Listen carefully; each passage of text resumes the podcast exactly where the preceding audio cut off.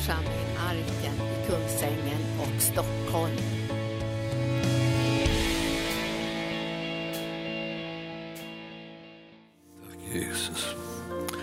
Och du är välkommen helige Ande. Och du är välkommen Jesus Kristus och du himmelske Fader, du är välkommen att vara bland oss, sätta din prägel på våra liv, sätta din prägel på församlingens gemenskap, sätta din prägel på det som vi ger ut och tar emot. Allt det som här rör sig mellan oss, låt det bara vara präglat utav att du är där. Vi tackar dig Herre för att ingenting är omöjligt tillsammans med dig och därför är vi frimodigt folk som ser framåt på att saker och ting ska lägga sig till rätta, saker och ting ska bli så som du har tänkt det och din vilja ska segra och omständigheterna som är annorlunda än vad du önskar, de kommer att få böja sig och rätta sig efter din vilja. Vi tackar dig Herre för att vi får göra gemensam sak med dig som är en övervinnare och som har all makt i himlen och på jorden. I Jesu namn. Och församlingen sa Halleluja. Tack lovsångare. Halleluja. Ja, eh, idag tänkte jag, tänkte jag tala om någonting men det blev, blir nu någonting annat. Eh, Eh, jag vet inte varför jag, jag, jag inte riktigt lär mig det där, men det är, så har det varit genom livet hela tiden. Liksom jag går omkring och tänker på gudstjänsten, jag ber för gudstjänsten och så där. Och så börjar det dyka upp olika saker.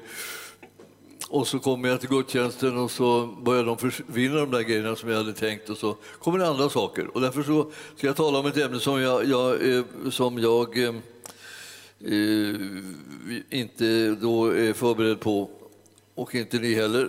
Nämligen jag ska, jag ska tala om ödmjukhet. Alltså ödmjukhet. Alltså. Ja. Eh, och, vad, och man kan ju fråga sig vad vet jag om ödmjukhet, men den frågan tycker jag är helt överflödig. Därför att eh, eh det är frågan om mera så här att eh, eh, vad ska vi nu få lära oss om ödmjukhet? För det är ju någonting som eh, eh, inte så där eh, ofta eh, lärs ut eller tränas ut eller talas om och så. Men jag, jag, när jag fick det här i hjärtat så, så vad är det någonstans vi ser det största liksom, uttrycket för ödmjukhet nästan, så är det då i Filipperbrevet 2. Och, och där, står det, där finns det någonting som kallas för kenosisstället. Kenosisstället. Kenosis-stället. Ja, det, är varför, det, det är bara grekiska just för att eh, utblotta sig. Alltså man utblottar sig själv. Och vad, vad, vad, låt- vad, ska, det, vad ska det vara bra för? Eh, Ja, det, det ska vara bra för därför att eh, man ska ge Gud rum. Man ska ge honom rum och plats i ens liv. Man ska sluta upp och ta all plats. Det är ju lite kämpig tanke. Men, men eh, för jag menar, man kommer ju till Gud många gånger just för att man har behov och man önskar att eh, eh han ska ge en plats och eh, utrymme för de här önskningarna och bönerna och allt. Och det gör han. Men säg att det är eh, bara det att det finns en ordning på det här. Och det är det att det börjar med honom. För det han, om han får sätta sin prägel på det livet som du och jag har tillsammans så kommer han få plats och du med. Men om det är bara så att du nästan satsar på att du ska få plats så får inte han plats och det blir som ingenting av det där som du håller på med heller. Och jag känner det här liksom att ödmjuka sig är att låta ge plats för Guds vilja. Hans vilja. Alltså, vi, ibland glömmer vi som att den är, är bäst, men den är det absolut bästa. Guds vilja är det bästa som kan hända dig. Inte din vilja, alltså, utan, utan Guds.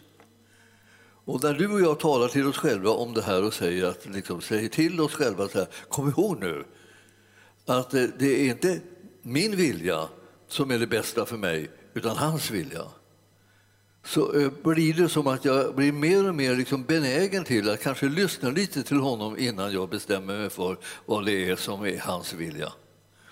Så att inte det liksom, jag blandar ihop det så till en milda grad så att det egentligen finns inte plats mycket för hans vilja, det finns bara plats för min. För jag liksom vill, jag liksom vill pusha för liksom det här som jag har på mitt hjärta och det som jag har behov av och det som jag ser vara nödvändigt och allt på det här.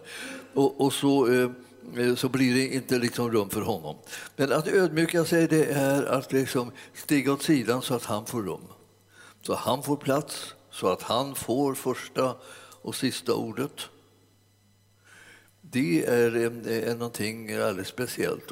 Och för att vi ska kunna se det här då, hur det ser ut så är, så är ju Jesus ett, och hans ankomst hit till jorden en sån där exempel på det. Man kan säga så här, så här är det med Jesus. Så här gör han, så här ser han på saker och ting och, och, och så här handlar han och handskas med sin tid.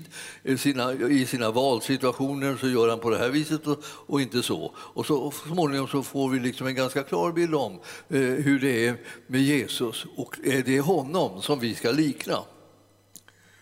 Och när vi läser det här andra kapitlet i Filipperbrevet då, då, då uppstår det liksom en, en ganska tydlig bild liksom av hur Jesus levde.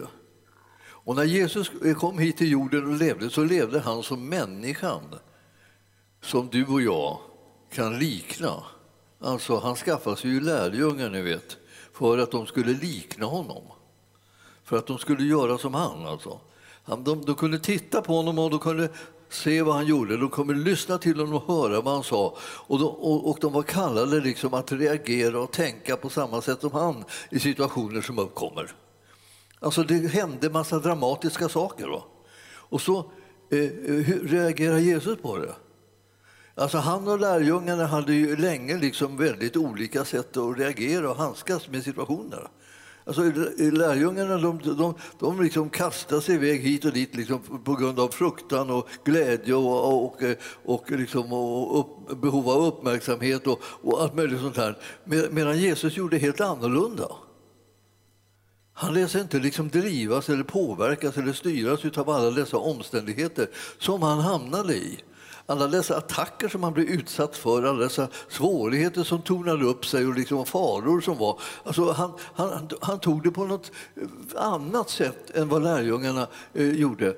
Och därför behövde de en lärare och därför hade de Jesus framför ögonen för att lära sig hur man skulle göra det här.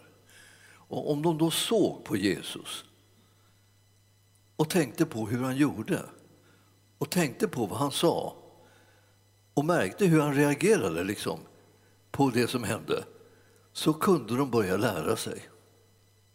Och Det tog lite olika långt för dem. Och En del var ju liksom så väldigt liksom, kan vi säga, eh, präglade präglade av sina känslor så de for lite hit och dit mer än andra som tog det lite lugnt. Och Sen fanns det ju de som hade absolut helt egna agendor också. Och det, då, det slutade så småningom med förskräckelse. Man tänkte, kunde, varför samlar inte Jesus ihop lite e, elitfolk, liksom, liksom perfekta typer som ändå kunde hålla stilen? Alltså att det skulle kunna vara genomgående liksom, lugnt. De visste, de var villiga att lära sig, de följde Jesus, de betalade priset, de gjorde allt det här. Men, men han tog liksom ihop liksom en, en hel bunt med massa udda människor som människor är mest. Och så tog han ihop dem och så eh, gick han med dem och försökte lära dem genom sitt exempel på hur de skulle leva, hur de skulle förhålla sig till människor, hur de skulle förhålla sig till situationer, hur de skulle förhålla sig till levande Gud. Alltså. Han sa till och med till dem att så här gör jag. Jag gör ingenting annat än det jag hör min himmelska fader göra och säga. Det gör jag, så gör jag. Ja, när jag kommer i situationer så, så lyssnar jag till Fadern för att hitta hans vägledning och, och så följer den. Och, så det, och eh, eh, han, han tänker att ja, det, finns, det finns ju en inbjudan att hitta liksom andra vägar som alltid är lättare. Det finns ju lättare vägar. Man kan undra varför, vad är det för fel att gå på lätta vägar? Det vore väl väldigt skönt att göra det liksom lite ibland, gå på den lätta vägen. Men Jesus var ju inte någon vidare på att gå på den lätta vägen. Alltså, han gick omkring hela tiden och ah, överallt så var det som att det kom till någon form av, av krock mellan ljus och mörker. Och han tänkte säga, om jag nu anpassar mig lite grann efter det mörker som råder här i den här stan eller bland de här skriftlärare och fariseerna eller bland de här människornas åsikter och tankar och vilja. Och, och så, om jag anpassar mig lite efter det så då kommer de tycka om mig mycket mer och då kanske de lyssnar bättre när jag pratar och så kanske det blir en bättre frukt. Och så. Det är bara det det, det, det fanns inte det alternativet. Det fanns bara det jag tog reda på jag och du och alla som följer honom, vad är den himmelske Faderns vilja? Det är det vi gör. Och då, eh, när vi läser här, så får vi liksom en... Den startar väldigt eh, härligt på något sätt, det här, det här kapitlet. Det står så här, att om ni nu har tröst hos Kristus, uppmuntran av hans kärlek, gemenskap i anden och medkänsla, barmhärtighet, om det nu är så att det betyder något, Gör då min glädje fullkomlig genom att ha samma sinnelag och samma kärlek och genom att vara ett i själ och sinne. Har ni hört? Vad härligt! Vad enkelt. Nej, kanske inte direkt enkelt, men härligt. Man skulle kunna tänka sig vilket, vilken situation som skulle uppkomma, vilken typ av gemenskap. Jag har hört, eh, hört, hör ibland sådär människor säger så här, alltså det skulle finnas lite mer gemenskap, lite mer värme, lite mer öppenhet, lite mer kontakt, lite mer allt möjligt så här i församlingen. Det finns väl ingen människa som skulle vara någonting, ha någonting emot det? Vad ska vi, eh, vad ska vi säga, varför, varför, varför fixar vi inte det då? Ja, det, jag menar, det är ju liksom någonting som eh, Herren har kallat oss till att sköta om tillsammans. Det går inte liksom att utse någon tjänst eller så. Här. Vi tar den här tjänsten, den fixar, fixar bra, bra, bra stämning. Då går man till den bara och knackar på. Så här, gör, gör jobbet nu då, vi behöver bra stämning här. Och så, och, och så ska de försöka springa omkring och göra alla lite Piggelina. Nej, det, det, här är liksom, det här är den här svåra uppgiften som att varenda, varenda en ska hålla på och bidra till att vi får en chans att få en, en, en miljö eller, och en stämning liksom i gemenskapen som människor trivs i, som gör att de kan höra vad Herren säger. Att de inte sitter bara liksom helt upptagna med, med, med, ensamhet eller smärtor av olika slag eller misslyckanden eller rädslor. Va? Det, går, det går inte, man hör ingenting. Men, men, men om vi liksom får fram en helt annan typ av atmosfär så blir som där det finns en riktig, riktig omsorg, kärlek och så där hela tiden och den ökar och ökar så kommer människorna bli mer och mer öppna för att lyssna. Man kan slappna av och man kan höra vad Herren säger. Annars sitter man och tänker jag ska inte säga någonting om det som är mitt problem nu. Torbjörn talade lite grann om det där. Man, man behöver bedja för att man ska bli hörande, men man behöver bedja för att alla ska bli hörande. Att hela, hela, hela miljön, eller eh, tillsammans, ska det bli en, en positiv atmosfär för att kunna höra från Gud. Alltså om det är så att har vi, sätter vi värde på det här med trösten hos Kristus, om uppmuntran av hans kärlek, om gemenskap i anden, om medkänsla och barmhärtighet. Om det betyder någonting så, så måste vi liksom på ett sätt nalkas Gud genom att fråga, fråga efter honom. För att jag, jag, jag, jag tänker ofta på det här att vems tjänare är vi? Vems tjänare är vi? Ja, vi är, vi är Herrens tjänare. Eller som du säger ibland, så vi är ordets tjänare. Vi är de som kallas för verbi divini minister. nu hamnar jag lite grann i sådana här termer, men det är, det är så att säga varje, varje förkunnares liksom titel egentligen. Att det är, man är ord, Guds ords tjänare. Och det, då, då, det är det man ska göra. Man ska liksom söka Gud och få tag i hans ord och hans vilja och förmedla den så att det blir ett gudsord som talar in i ditt och mitt liv. Och det här, när, när Herren vill åstadkomma allt det här, det här härliga som vi behöver, då kommer det av att vi kommer till honom och säger först, vad behöver du? Vad vill du att jag gör för dig? Hur vill du att jag tjänar dig? Hur vill du att jag följer dig? Och Jesus var ju otroligt noga med det här. Och om han behövde vara det, så behöver vi det. Jag tänkte liksom, det går inte bara att säga ja, ja, ja, ja, ja, det, ja, ja visst, det, det ska alltid vara Gud först och så. Och, men, och en del liksom sitter nästan och knotar sig och, och säger, men, men jag då? Ska, ska jag bara glömma mig själv? Ska, ska, jag, ska jag gå upp i rök då? Förlåt att man finns och, och sånt där. Man sitter där och förbittrar sig liksom över att liksom, man inte kommer liksom direkt till centrum precis därför att man har ju ett behov och, och Herren borde ju kunna lösa det och så, och så gör han inte det. Men du har ett uppdrag också. Och Det uppdraget har det fått av Gud och det är nummer ett, nämligen att tjäna honom. Och jag eh, vill säga till dig så vägen går där att vi tjänar honom först.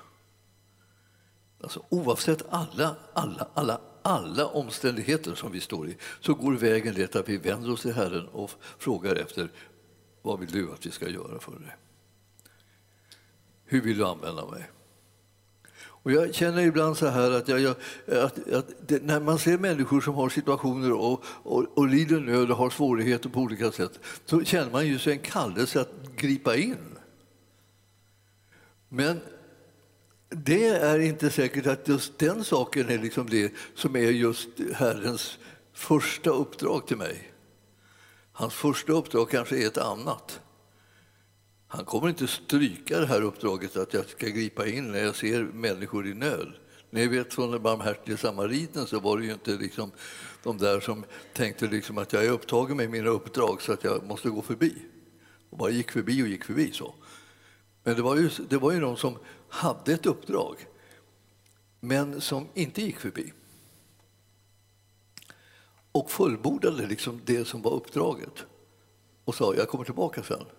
Och om det då har blivit ytterligare kostnader för den här mannen som har blivit slagen eh, eh, eh på vägen eh, han, han, eh, och, nu kom in på det här värdshuset. Så blir det mer kostnader så betalar de när jag kommer tillbaka. Men på vägen så hade han tid att hjälpa den här mannen som var slagen. Och det har vi säkert också. Men vi måste ha en prioritering klar för oss vad det är som vi ska göra först och främst. Och den får inte försvinna på vägen.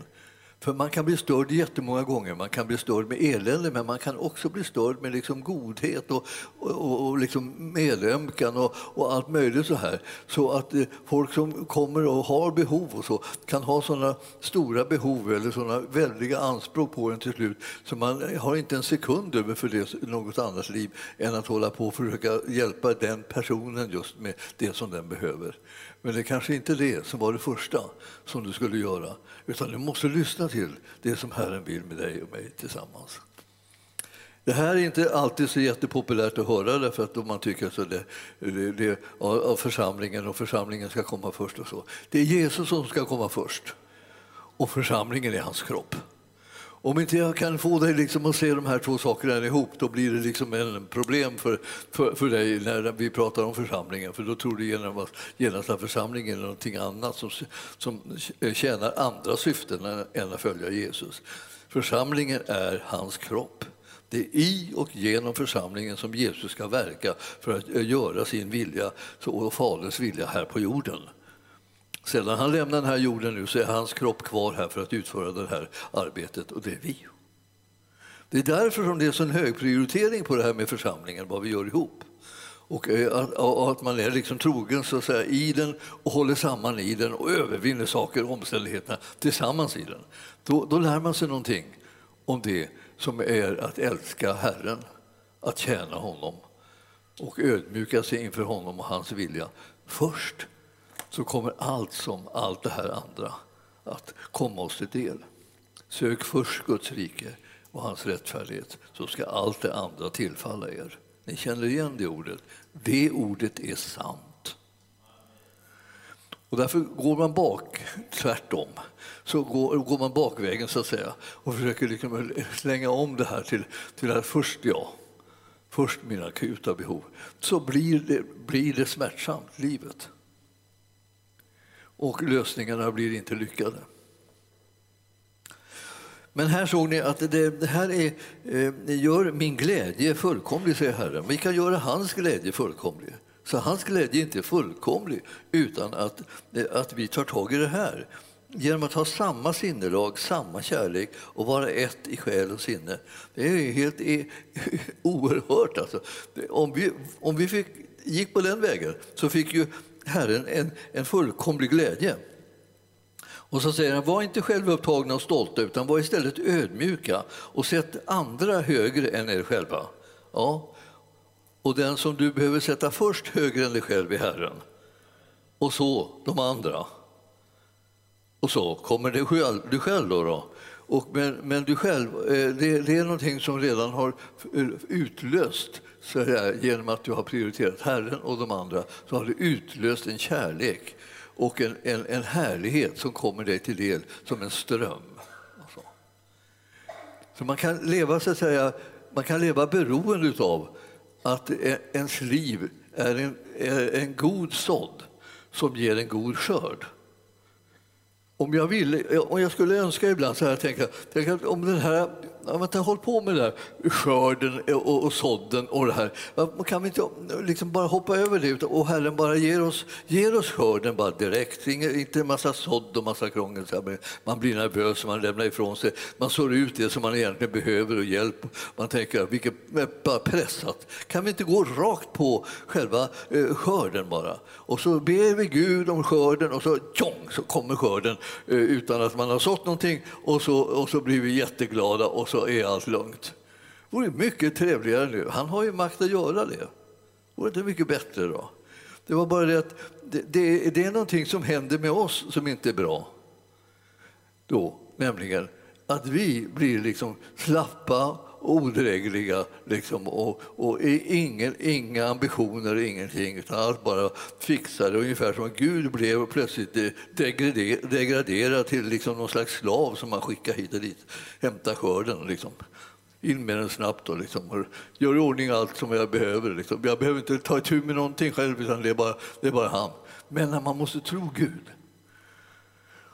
Och jag känner ibland så här, vilken utmaning det är att tro Gud. Men vilken utmaning det är att leva ett, ett liv där man inte kan tro Gud. Det vill säga där man inte har möjlighet att tro Gud om stora ting. Vad är det jag ska, om jag skulle bara tänka på, jag kan bara liksom tro att, kom, att det kommer att hända som jag själv kan åstadkomma, så är jag liksom, är jag en begränsning som är rent ryslig. Ingenting kommer egentligen kunna göras. När vi är samman så tror vi Gud tillsammans på att vi ska kunna göra saker och ting ihop. Och det vi ska göra ihop det kräver massa saker som vi behöver ihop. Därför att det är mycket mer som vi behöver ihop när vi allihopa som ska använda det än vi behöver om vi är enskilda individer. Om jag sitter hemma ensam liksom i huset hemma och, liksom där, och det har jag tak över huvudet och jag har en säng att sova i och, liksom, och jag har mat i, i kylskåpet och på det lilla arbete då som jag då har utfört så har jag fått liksom det som jag behöver och det är det. Men jag kan inte sätta igång så att säga, och, och eh, nå världen med evangelium. Jag kan inte sätta igång liksom, och föda massor med barn, eh, eh, alltså, ge dem mat. Vill säga. Jag kan inte liksom, föra, föra ut liksom, evangelium åt alla håll och kanter i hela världen. Jag är bara en person. Det krävs mycket mer när man ska göra någonting som är större. Och Herren utmanar en hela tiden. Gör något större, gör något mera, sträck det längre ut. När vi, när vi ibland pratar här i församlingen, det, vilket är ganska sällan, men vi, när vi pratar om vårt missionsarbete till exempel, som vi gjorde lite grann när vi gick ut Helande löv den här sista gången, så var det en presentation av missionsarbetet på, på alla möjliga sätt ut över världen. Så, och andra församlingar möter det, så, så frågar de alltid, hur många är ni egentligen?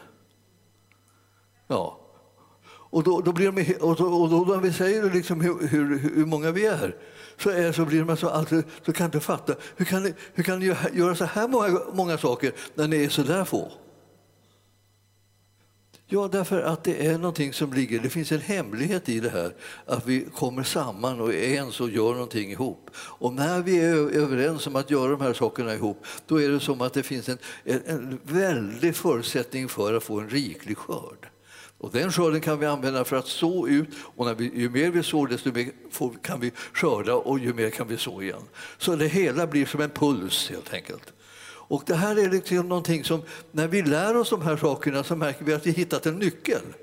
som, som gör det att det är ett äventyr visserligen varje gång och det är ett äventyr varenda gång man ser de stora behov som man har men, och, och den lilla tillgång som man har. Men så, så är, har man glömt att tänka på ja, men skörden då? Vi har ju sått. Vi har sått hit och dit och hit och överallt. Va? Och då, skörden, vi sätter tro till skörden. Och eh, då kallar vi på det som vi ännu inte riktigt ser, men vi har sått och den liksom så finns i jorden. Och det är, nu ber vi att den här jorden ska verkligen ge en riklig skörd tillbaka till oss som har sått. Och det behöver man dras in i det här. Jesus var en sån här som höll på och gick omkring och, och sådde på alla möjliga sätt. Och till slut så hade han människor som gick med honom tillbaka och, och liksom, när han gick ut på sina vandringar så följde det stora, en, en, en, stor mängd kvinnor som, som gav av sina rikedomar och sina tillgångar in i hans tjänst så att han skulle ha eh, till dem som han mötte eh, eh, mat och, och ordna husrum och allt vad det var på vägen. Han vandrade genom landet upp och ner här vid flera tillfällen och de följde honom och försörjde hela arbetet eller ministeriet med, med det här. Det var, de, var, de hade själva blivit välsignade. De hade blivit betjänade. De hade, de hade fått möta Gud först. De hade mött en god Gud som hade förvandlat deras liv. Och Jesus själv han hade gått till dem med det han hade och gett det till dem. Och därmed så förvandlades deras liv så att de ställde sig och sina tillgångar till förfogande för hans tjänst. Det är ingen hemlighet att det fungerar så. Människor som liksom blir välsignade eh, från, från, genom det arbete som vi har i arken reagerar ungefär så. De liksom välsignar tillbaka. När de ser att vi har behov så kommer de också och hjälper till. Och så gör vi också själva liksom i församlingen, när vi har blivit välsignade av den församling som vi tillhör, att vi ger till den, vi stöttar den. Och här står det att, att den här, när, när, när vi ska vara så, så till sinne, står det, eh, Ja, ja, jag måste läsa in eh, alltihopa här. Var inte, var inte, eh, eh, fjärde versen. Se inte på ert eget bästa, utan tänk på andras. Och var så till sinne som Kristus Jesus var. Fastän han var till i Guds skepnad, eller Guds gestalt, så räknade han inte tillvaron som Gud såsom ett segerbyte och vad betyder det? Det betyder det att han räknade inte det här med att han var Gud som någonting som han skulle behålla för egen del. Alltså, det är så underbart att vara Gud så jag släpper det aldrig ifrån mig. Så, så, så sa han inte. Han sa det häpnadsväckande, liksom, att han, han tog av sig sin gudomshärlighet och lade den åt sidan och blev en människa som du och jag.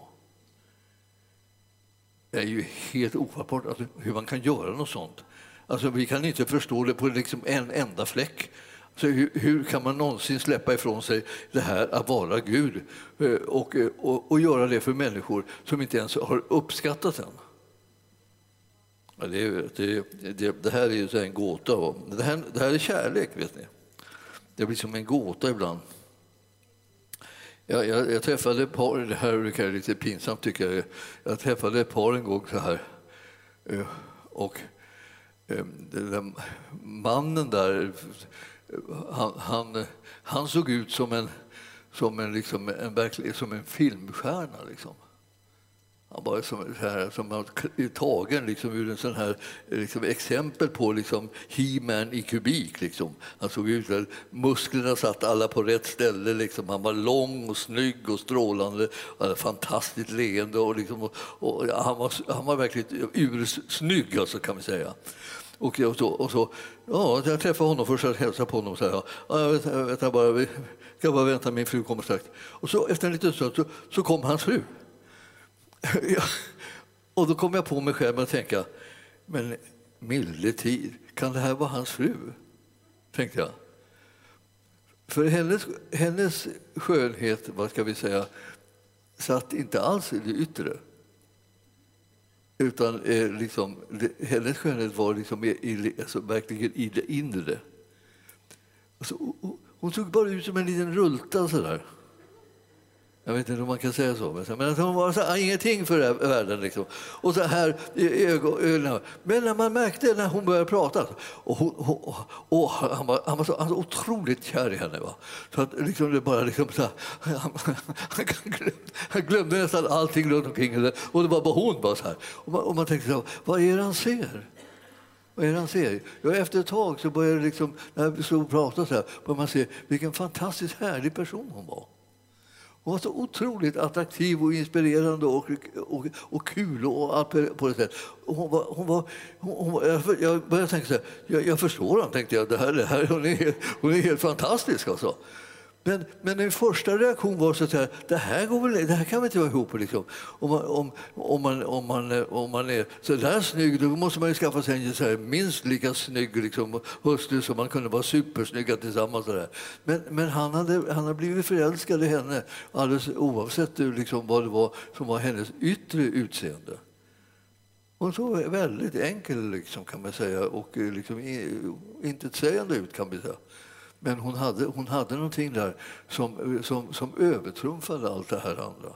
Det fanns en investering som Herren gjort i hennes liv som inte var synlig första stund. Men efter ett tag så var den så synlig så att man glömde helt och hållet bort att, att, att, att hon så säga, hade påmint en om att, att, att han var liksom den, den strålande. För att hon hade, den, hon hade personligheten. Om vi säger. Och jag vill säga till er att när det här, när det här händer, alltså det här, man, man, man letar efter var, var ligger värdet och var låg värdet i människorna eh, som hade lämnat Gud och, och gått ut i synd och, och, och levde i uppror och, och, hela tiden gjorde mot Guds vilja och bröt mot alla bud. Och hade sig. Var, var låg värdet i det? Ja, alltså, det? Det låg på ett annat plan, men framför allt så låg det i att det fanns en kärlek som gjorde att man kunde offra sig för att kunna förvandla de här människornas livssituation och rädda dem ut ur den fångenskap av begränsning som de hade hamnat i genom synden. Så Herren kommer han älska oss så fantastiskt mycket så att han vill ge allt för att vi ska bli räddade ut ur syndens liksom fördärvande verkan. Och, och, det är ingen som vill ha synden egentligen. Den, den får alltid massa hö, hö, höga pris säga, som följer den efter, efter ett tag. De ser man inte först, men sen efter ett tag så märker man att det var värst, det var det här kommer att kosta mig. Hur, hur jobbigt det här kommer att bli. Ja, eh, alltså, fastän han var del i Guds gestalt så räknade han inte tillvaron med Gud så, så som ett segerbyte. Det vill säga, eh, han ville, han ville inte behålla det som var hans, hans, hans riktiga gåvor och hans eh, fantastiska liksom, eh, fördel eh, för sig själv. Utan han utgav sig själv genom att anta en tjänares gestalt då han blev människa. Och han som till det yttre var såsom en människa ödmjukade han sig då och blev eh, i, lydig ända till döden, till döden på korset. Det var hans sätt att handskas med det här. Han valde att gå in i människornas ställe eh, och dö på korset. Och det här är den kärlek som Gud bevisar oss. Det finns, liksom, eh, eh, det finns den här självutgivande kärleken som Gud bevisar oss. Det är den som du och jag behöver lära känna. Om inte vi lär känna den kärleken utan vi bara lär känna sån där kärlek som liksom nästan är, är liksom någon, nästan som en byteshandel. Och så. Att man, du, om du gillar mig gillar jag dig. Liksom så här då. Om vi, liksom, eh, om vi säger kärleksfulla saker till varandra så liksom, väntar vi att vi ska få det tillbaka. Och så, så.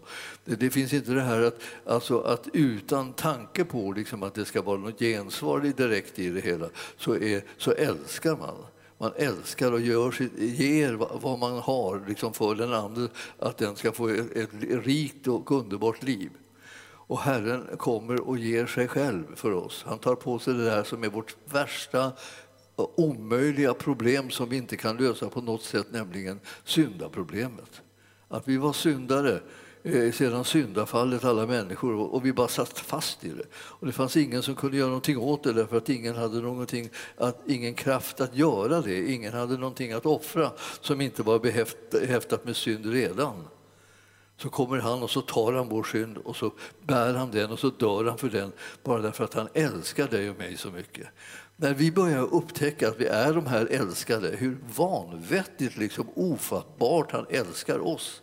Eh, det är det som man behöver veta, för annars så blir man ingen fri så man kan göra hans vilja. Då tycker man alltså, ska han komma och ha liksom, eh, eh någon förväntan på att jag ska göra hans vilja? Ja, han har en längtan efter det, men han, han pressar inte dig. Utan det är det att när du upptäcker att du är älskad så kommer du att vilja veta hur ska jag kunna visa kärleken till honom.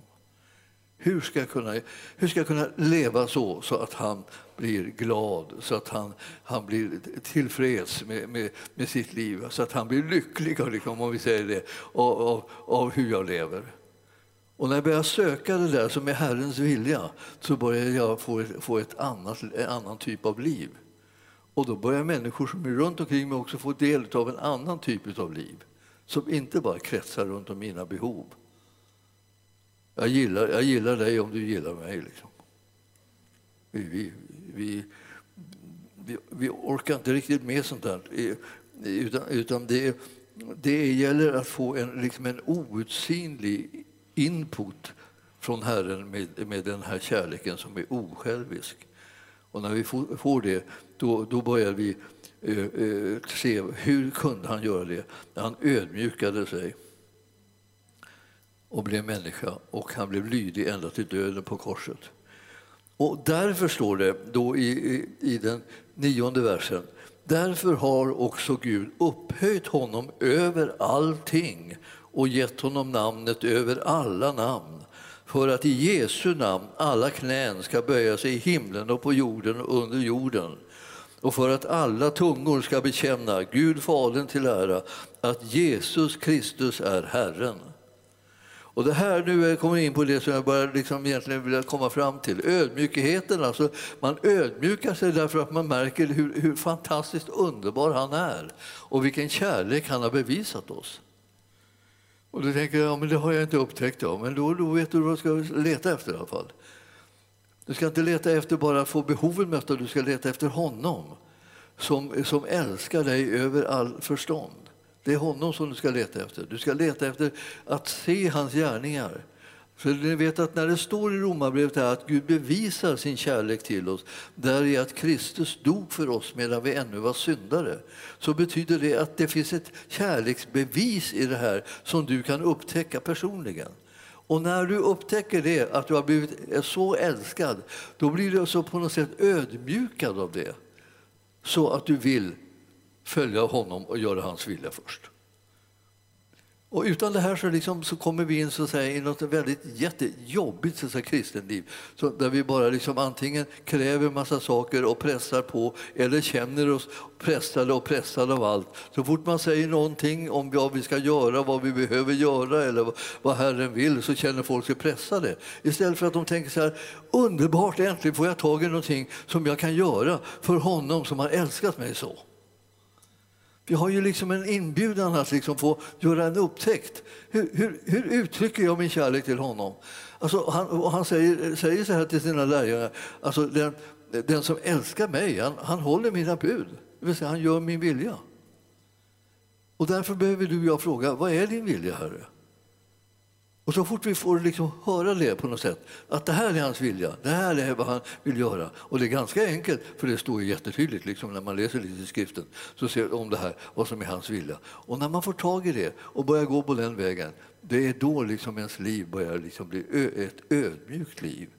Och man kommer in med lätthet i någonting som heter tacksamhet. Man börjar prisa och tacka Gud för att han har varit så ofattbart god mot en. Och det här med att han är god mot en har inte sitt första och främsta säte, hur mycket har han gett mig? Utan det är vad har han gjort för mig? Och då är det liksom, hans kärlek är bevisad för mig genom att Kristus dog för mig medan jag ännu var syndare. Medan jag var oförtjänt av det så dog han till och med för mig. Och jag upptäckte. Jag är inte liksom bara det där, jag har hört det eller jag kan bibelstället eller någonting. Så Jag upptäckte man nästan spricker alltså, av, av genkärlek till honom som är så god.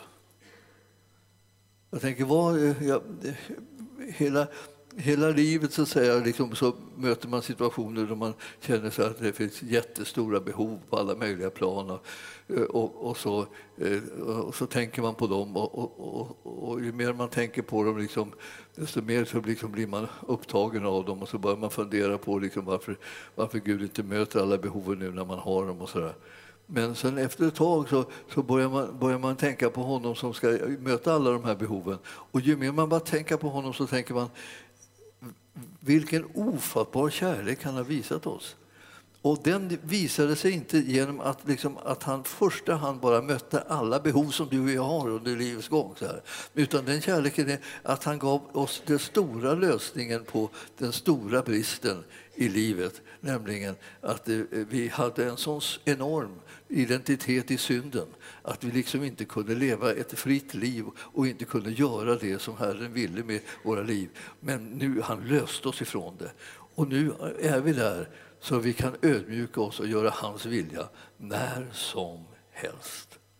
Och för att den här ska bli gjord nu då, hans vilja, så behöver det liksom till att vi tar frälsningen så att säga på allvar. Och då, jag vill, eh, vi ska titta på ett bibelställe till och så ska jag ta och sluta med det. Det, det här, det här bibelstället, det, vi ska se vad det var någonstans. Här.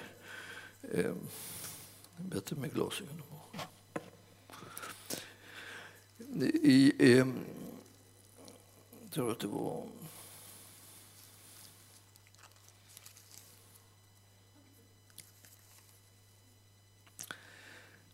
Första Korinthierbrevet, var det inte? Ja, ni kan börja bedja. Så så, så kan jag Eh, hitta det här? Det var, nej, det var just det. Det var där, det var där, det var där. Det var Apostlagärningarna 2. Mm. Och eh, eh, när eh, eh,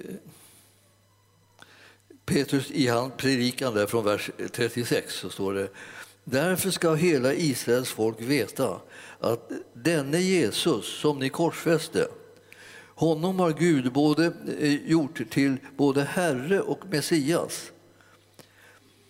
När de hörde detta så högg det till i hjärtat på dem och de frågade Petrus och de andra apostlarna, bröder, vad ska vi göra? Petrus svarade dem, omvänd er Låt er alla döpas i Jesu Kristi namn så att era synder blir förlåtna. Då ska ni få den helige Ande som gåva. Till er gäller löftet och era barn och alla de som är långt borta, så många som Herren vår Gud kallar.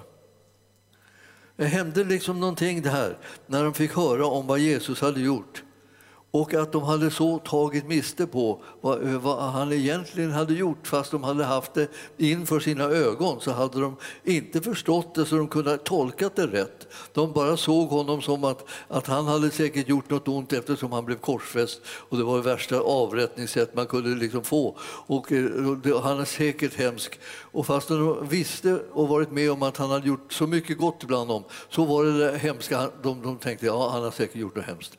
Och det är precis ibland som när människor hör något rykte om att, att någonting inte är bra eller inte, inte är som det ska i något sammanhang så tänker ja, de har säkert gjort något hemskt, de har säkert varit bovar på något sätt, de har säkert varit det, det. Och, och det är inte något som man är säker på alls, ingenting är man säker på, bara påhitt. Kan hända. För man är liksom inte, ska inte vara snabb med domen. Och här, i det här fallet så dömde de så fel så att de var kanske med och ropade korsfäst när när det blev frågan om liksom att välja om han skulle släppas fri eller Barabbas skulle släppas fri.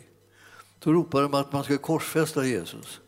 Och nu när han fick höra att han var den som Gud hade sagt sitt ja till så, så, så, så vad, ska, vad ska vi ta oss till? sa de. Vad ska, vi, vad ska vi göra? Och då säger han så här att, att de, ska, de ska omvända sig. Och Det betyder att de ska ändra sitt sätt att tänka. Ni måste ändra er. Ni måste vända om här. så.